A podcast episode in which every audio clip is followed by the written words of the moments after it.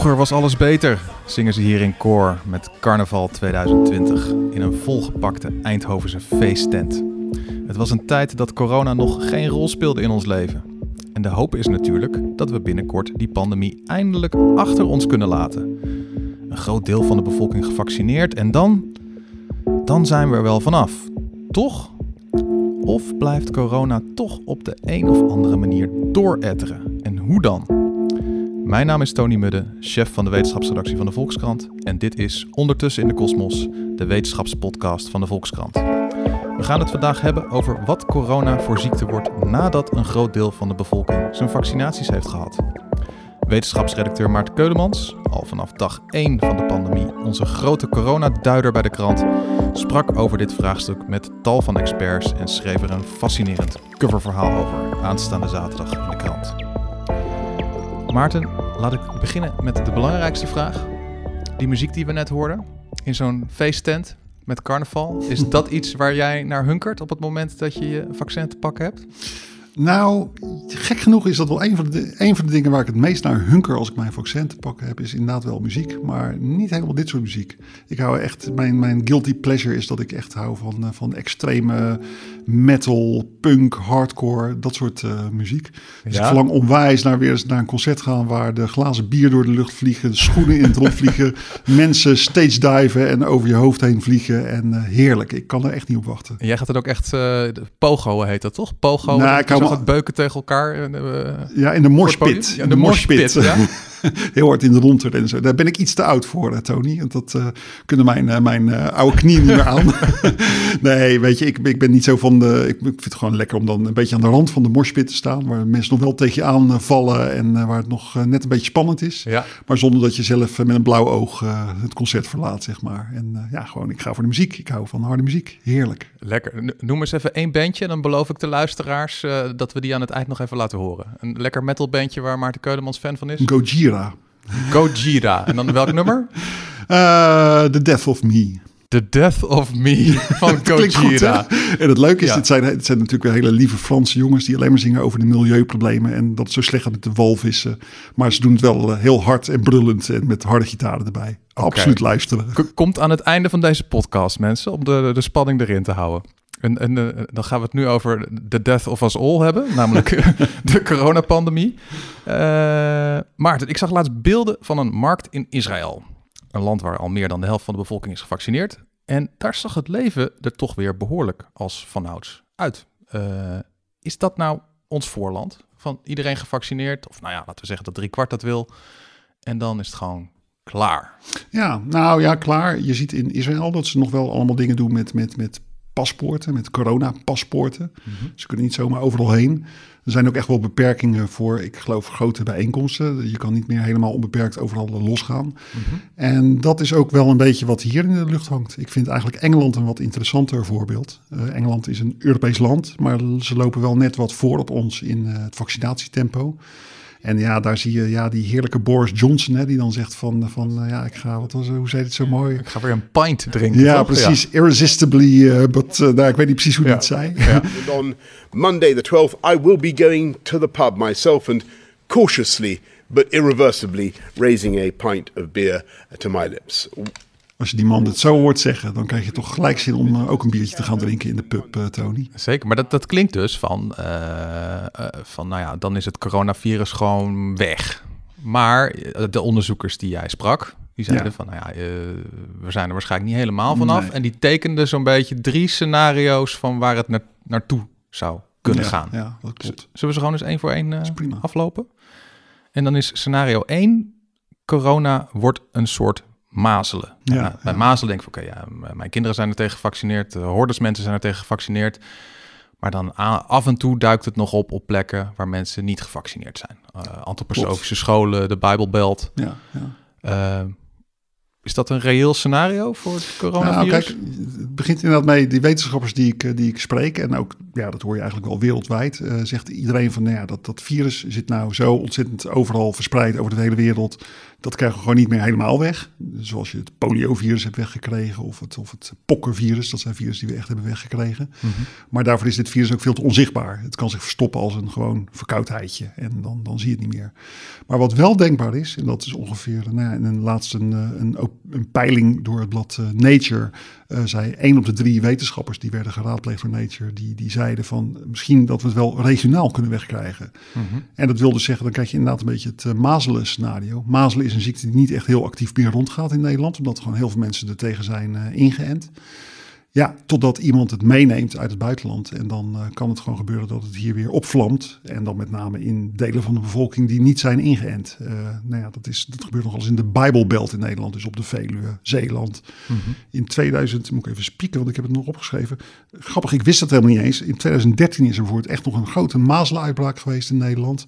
Uh, 30.000 mensen zijn toen uh, ziek geworden. Die hebben mazelen gekregen. Allemaal in die Bijbelbelt. Dat, dat gedeelte van, van heel diepgelovige mensen die zich niet willen laten inenten. En uh, er zijn dus zelfs 182 kinderen die zijn nog in het ziekenhuis beland met gewoon mazelen. Ja, ja. Eentje is er overleden.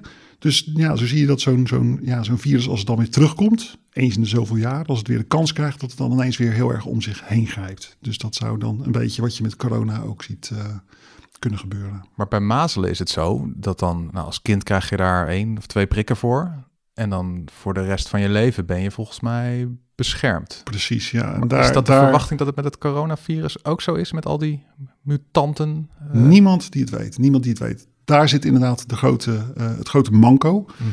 Mazelen ja, is, heeft als voordeel dat je inenten en je bent gewoon levenslang beschermd tegen het virus. En waarschijnlijk is dat wel een voorwaarde om zo'n virus zoals het coronavirus hier voorgoed de deur uit te houden. Dan moet ja. je gewoon een inenting hebben die extreem goed werkt. Of je moet een situatie hebben waarbij als je het eenmaal hebt gehad dat je levenslang beschermd uh, bent. Ja, en het is erg de vraag of dat wel geldt voor het uh, coronavirus. Andere coronavirussen, die hebben in ieder geval als onhebbelijkheid dat je na een jaar of twee, drie, vier, dat je het gewoon weer opnieuw kan, uh, kan krijgen. Ja, en, en het is ook zo met mazelen, als je dat dus een keer gewoon niet gevaccineerd bent, maar je bent er wel ziek van geworden, dan ben je ook voor je hele leven beschermd? Of? Dat weet ik eigenlijk nee, niet uit okay. Maar ik weet wel dat de vaccins, die zijn in ieder geval erg goed. En ja, met het coronavirus is bijvoorbeeld, ja, uh, we weten gewoon nog niet hoe lang het vaccin precies beschermt tegen het, uh, tegen het virus. En is er wel iets bekend over hoe goed die vaccins dan, ja, die zijn ooit gemaakt voor, nou ja, de varianten die er in het begin van de pandemie uh, rondgingen. Ja. Weet wel iets meer over hoe die beschermen tegen die ja, wat nieuwere varianten. De Zuid-Afrikaanse nou. variant, de Braziliaanse variant. Ja, iets meer. En dan kom je eigenlijk een beetje bij, het, uh, bij de tweede mogelijkheid, dat het een soort uh, griep zou kunnen worden. Ja, scenario 2. Ja. Het wordt een soort griep. Ja? Griep, griep heeft echt als, als eigenschap dat het, uh, nou ja, het, in de winter is het hier, gaat het rond, worden we er ziek van. En dan wordt het zomer, het virus zwaait weg, het gaat naar het zuidelijk halfrond.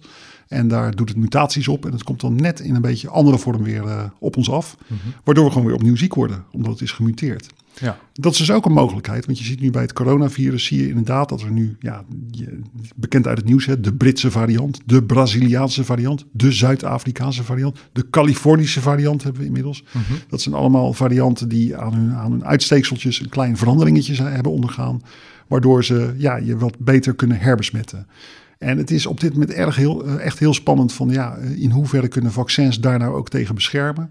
Uh, de tekenen zijn eigenlijk dat het nog steeds wel beschermt, de vaccins, maar wel misschien iets minder goed. Dus dat betekent dat normaal zou je zeg maar met een vaccin uh, van de 100 mensen er 90 beschermen tegen, tegen het virus. En nu zijn het er misschien 80 met zo'n uh, nieuwe variant. Ja. Dus dat soort orde groottes moet je denken. Maar ik spreek ook virologen, uh, bijvoorbeeld coronaviroloog Erik Snijder heb ik daarover gesproken. Een van de mensen die er heel veel verstand van heeft. En die zegt van ja, weet je, um, we hebben nog, eigenlijk nog heel weinig gezien. We zijn nog maar net begonnen met vaccineren als je het een beetje van een afstandje bekijkt. En um, uh, ja, het is puur afwachten wat er, wat, of dat coronavirus niet nog een of ander trucje in zijn, in zijn mouw heeft. Waardoor die ineens enorm kan gaan muteren en ja, een hele nieuwe variant op ons afstuurt. Dus dat wordt ook al spannend. En, en stel dat gebeurt, hè? dat, dat zo'n coronavirus dan op een gegeven moment muteert en we ontdekken van nou, die, uh, onze vaccins werken daar niet goed tegen. Uh, zitten we dan weer anderhalf jaar te wachten voordat er nieuwe vaccins zijn? Of denk nee. je dat dat deze keer dan sneller kan gaan? In principe moet dat een stuk sneller gaan, want de vaccins die we hebben, die hebben we. En uh, ja, weet je, wat je eigenlijk moet doen dan, is het recept een klein beetje aanpassen. De vaccins die we nu gebruiken, die werken eigenlijk op basis van de genetische code van het coronavirus. Nou als het uh, coronavirus een beetje verandert, dan herschrijf je gewoon die genetische code een beetje. Dat is eigenlijk een beetje het idee. En je moet ze dan nog wel testen. Maar dat kan dan in een klein groepje mensen of in een. Uh, hoef je niet meer helemaal vanaf het begin af aan te beginnen met dierstudies en dat soort dingen. Je kan dan wat sneller uh, ingrijpen.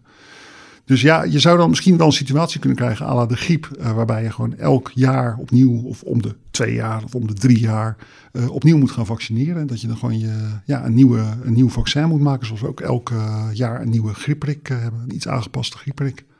En dan, dan, en dan heb je dus ook het probleem, dat bedoel, in een heftig griepseizoen, weet ik nog, zo, zeg maar, voordat die hele coronacrisis speelde, dan, dan, dan, dan, kraakte en piepte de zorg ook al op zijn voegen. Ja. Uh, als je dan in zo'n heftig griepseizoen toch ook nog iets van een coronaseizoen erbij krijgt, waarbij lang niet zoveel mensen uh, op de IC belanden als nu, maar toch gewoon weer een, een paar, omdat zo'n vaccin niet helemaal beschermt, of omdat er net weer een nieuwe mutatie is en we nog uh, een paar maanden moeten wachten tot er een nieuw vaccin is. Ja. Dan krijg je dus eigenlijk gewoon jaarlijks een soort zorgpiekje erbovenop, bovenop het griepseizoen. Ja, dat is heel interessant. Want ik dacht eigenlijk van, ja goed, kijk, uh, of, of jouw oude oma die heel zwak en besmettelijk is, of bevattelijk is voor ziektes, of die nou het griepvirus krijgt of het coronavirus. Ja, het is maar één oma, dus er komt maar één oma naar het ziekenhuis, dan ja. dacht ik eigenlijk. Maar ik heb erover gepraat met uh, Jean-Luc Murk, een microbioloog van, uh, uit, uh, uit Tilburg. Mhm. Mm -hmm. En die heeft mij uitgelegd van ja, wacht even, zo werkt het niet. het is echt een virus, het is een ander virus. Het komt echt bovenop, het grijpt op een andere manier aan. Dus het is gewoon weer een virus erbij. Zeg van ja, weet je, zo'n zo, uh, zo winterseizoen, als de R in de maand komt, dat verloopt gewoon. Er komen een aantal virussen komen op ons af. Het Ja. RS-virus komt op ons af. Uh, daarna komt het griepvirus komt op ons af.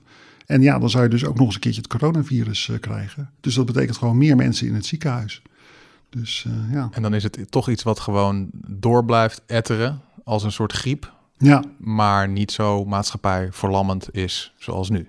Nee, nee, daar ligt een beetje een vraag onder van, van wat, wat gaan we doen hè, met dat inenten? Gaan we dan echt nog zorgen dat iedereen is ingeënt? Nou ja, je kunt je best de situatie voorstellen uh, dat je gewoon alleen de kwetsbare mensen inent. En dat wij als jonge, gezonde mensen het voor lief nemen dat wij af en toe eens uh, ja, worden geveld door corona. Jong en gezond, net kon je nog niet in de moshpit staan, omdat je jezelf te oud vond. Definieer jong en gezond.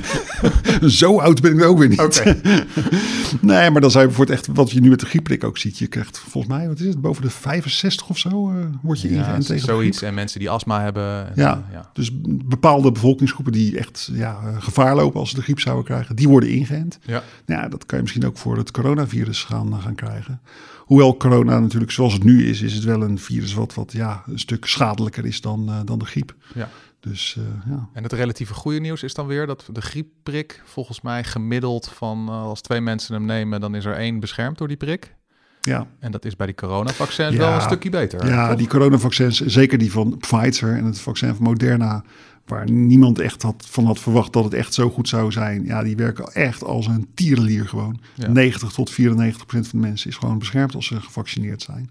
Dus dat zijn natuurlijk wel hele hoopvolle geluiden. En een, ja, een griepprik is nou ja, de helft van de mensen beschermd. Dat is, dat is een, uh, dan heb je een goede griepprik.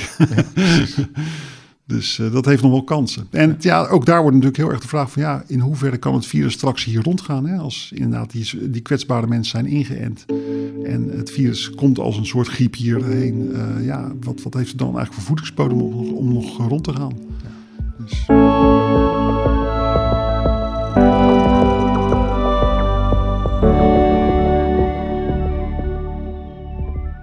We gaan naar eh, onze vaste tussenrubriek, een vraag tussendoor.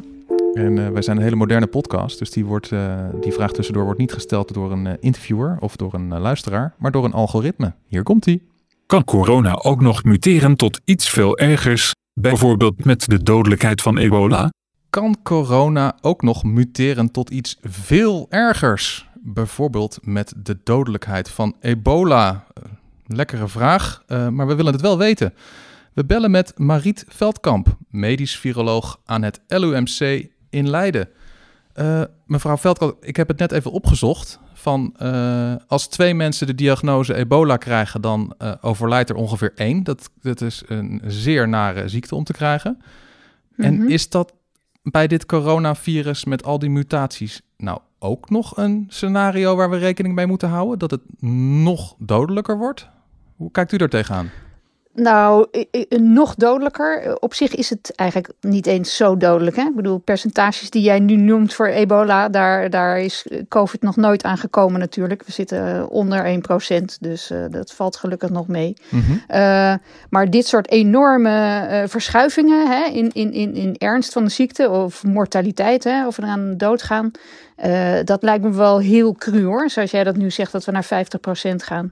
Uh, en dat heeft er ook mee te maken dat, uh, weet je, die eigenschappen van het virus, dat ligt natuurlijk allemaal in dat genoom en die code.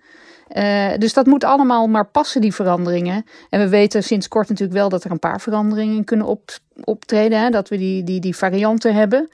Maar uh, dat we eh, zo'n rigoureuze verandering uh, tegemoet gaan, dat zie ik niet, uh, niet snel.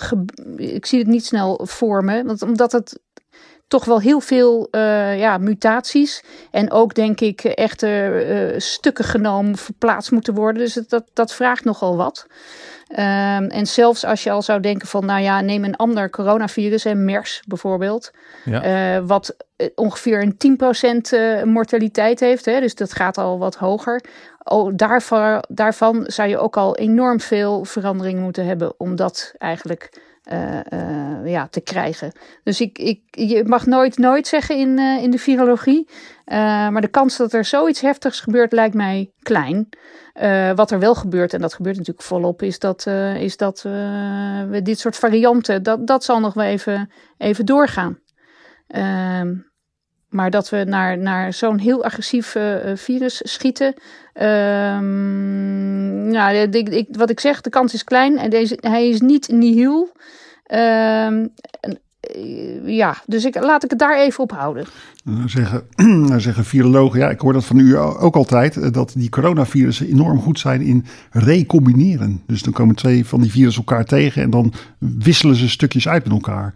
Uh, je ja. zou zeggen, als dit virus dan het MERS-virus ergens tegenkomt, dus in één uh, ja, mens, dat ze, één mens ja. besmet wordt met zowel corona als het MERS-virus, dat die misschien kan recombineren. Hoe zit dat dan? Ja, nou ja, de, de, kijk, dat, dat zou kunnen zijn. Uh, en dan eigenlijk om het, bedoel, dan, dan, dan zou je in het slechtste geval een, een SARS-coronavirus 2 moeten krijgen, wat dus heel makkelijk zich verspreidt. Want dat doen MERS-virussen bijvoorbeeld weer niet. Hè? Dat zijn die dromedarissen, daar verspreidt het zich massaal, maar in de mensen eigenlijk nauwelijks. Dus je moet een combinatie hebben van een aantal eigenschappen en dat moet dan net goed uitkomen. Um, dus het, kijk, wat ik zeg, het kan wel. Um, maar ik, ik, ik acht toch ik weet je, we, we, zitten nu in die pandemische situatie met, met nu heel veel circulatie van, van de, dit virus, echt overal. Dus uh, de, de kans dat het gebeurt is nu eigenlijk optimaal. Mm -hmm. En toch hebben we uh, nog niet dit soort majeure shifts, verschuivingen gezien. Um, dus ik, ik, ik denk als het optreedt, dan moet het wel nu, hè, het moet dan nu wel gaan komen, zou je zeggen. Want op een gegeven moment dan wordt die af, afweer in de populatie wordt zo groot. Hè, en we gaan vaccineren uh, en dan daalt de circulatie en dus de replicatie en dus de kansen dat uh, mutaties en dit soort recombinaties optreden, die kansen wordt dan weer kleiner, omdat het virus minder gaat circuleren. Dus, dus in die zin is het, het is natuurlijk gewoon wel een spannende periode, want we weten eigenlijk gewoon nog niet hè, wat de komende jaar, jaren gaan brengen. We zitten nog lang niet in die stabiele fase. Uh, waarbij je zeg maar ja, echt hè, het, het, het, samen opgaan krijgt van een virus en zijn gastheer.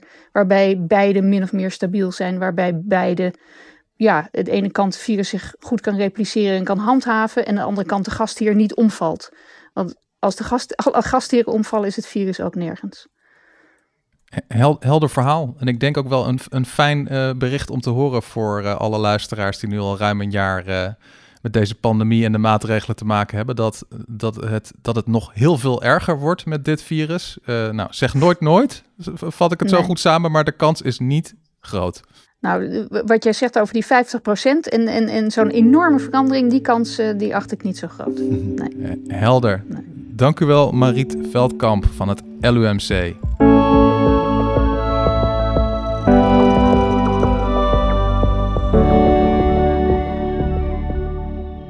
Maarten. Dat was eh, nou, toch wel geruststellend. Uh, Mariet Veldkamp die zegt van...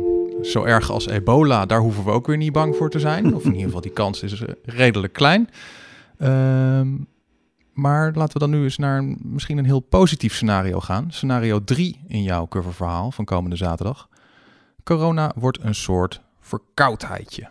Ja, ja, dat zou zomaar ook kunnen. Ja, dat, dat klinkt als, daar verheug ik me nu al ja, Ja, precies. Schets dat scenario maar in, in, in geuren en kleuren, want hier wil ik alles over weten. Nou, het leuke is, we, we hebben al uh, vier coronavirussen die rondgaan onder de mens. Die gewoon, ja, misschien wel hier in de kamer uh, aanwezig zijn, onder ons. En dat zijn verkoudheidsvirussen. Uh, dat is coronavirus, ik, ik moet even spieken, want dat, ik, ik onthoud ze nooit. OC43, 229E.